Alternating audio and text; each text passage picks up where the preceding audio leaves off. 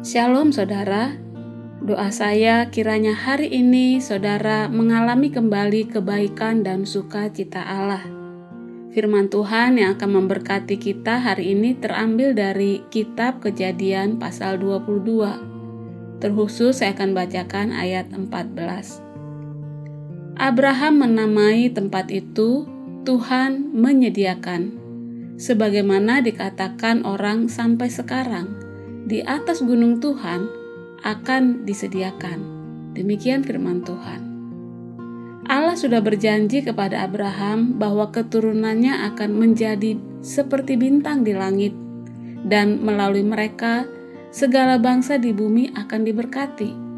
Namun, Abraham dan Sarah istrinya tidak punya anak apalagi petunjuk bagaimana mungkin janji itu diteruskan kepada generasi selanjutnya. Mereka menanti dan menanti, tahun berganti tahun, tetapi tetap tidak ada anak. Abraham sudah tua, sementara Sarah sudah jauh melewati umur untuk bisa mengandung.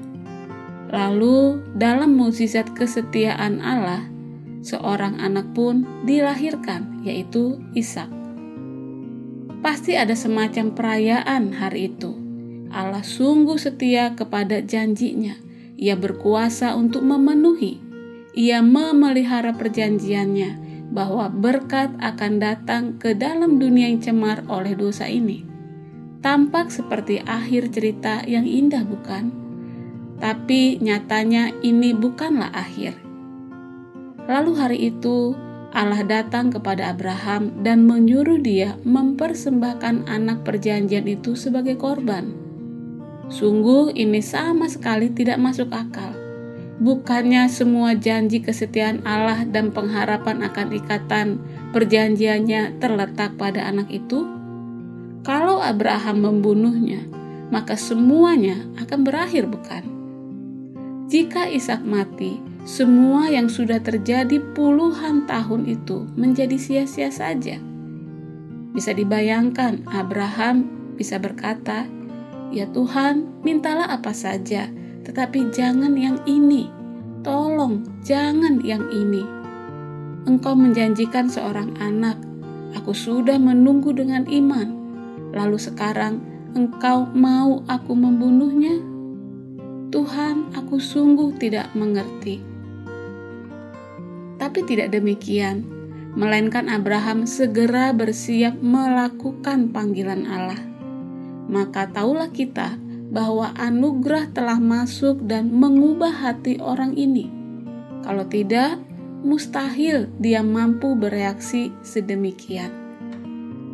Tentu Abraham tidak tahu mengapa Allah meminta dia melakukannya, dan jelas bahwa dia tidak tahu apa yang akan Allah perbuat. Abraham berpikir mungkin Allah akan membangkitkan Ishak setelah dikorbankan. Tetapi bukan itu rencana Allah. Abraham pun tidak bersandar pada apa yang bisa dilihat atau difahaminya, melainkan melangkah dalam iman. Kemudian ia tinggal tenang karena ia bertindak berdasarkan landasan yang teguh yaitu perintah Allah, juga hadirat, janji, kesetiaan, dan kuasa Allah.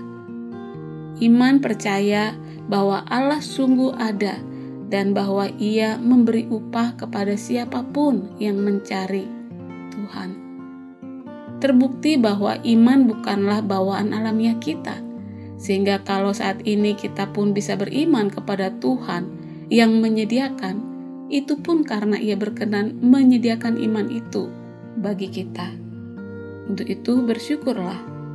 Kemudian bagaimana dengan setiap kita hari ini?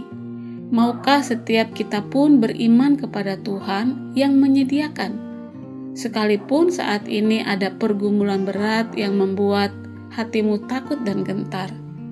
Kiranya dengan membaca kejadian 22 ini, setiap kita diteguhkan kembali dan berani melangkah dalam iman. Tuhan yang menyediakan akan memberi yang terbaik tepat pada waktunya. Saudara, mari bangunlah iman kita dalam terang firman Allah setiap hari yang kita baca renungkan. Dan ingatlah apa yang telah Ia kerjakan di masa lampau hidup kita. Dan terus percayakan masa depan kita dalam pemeliharaannya Dia yang berkuasa. Amin.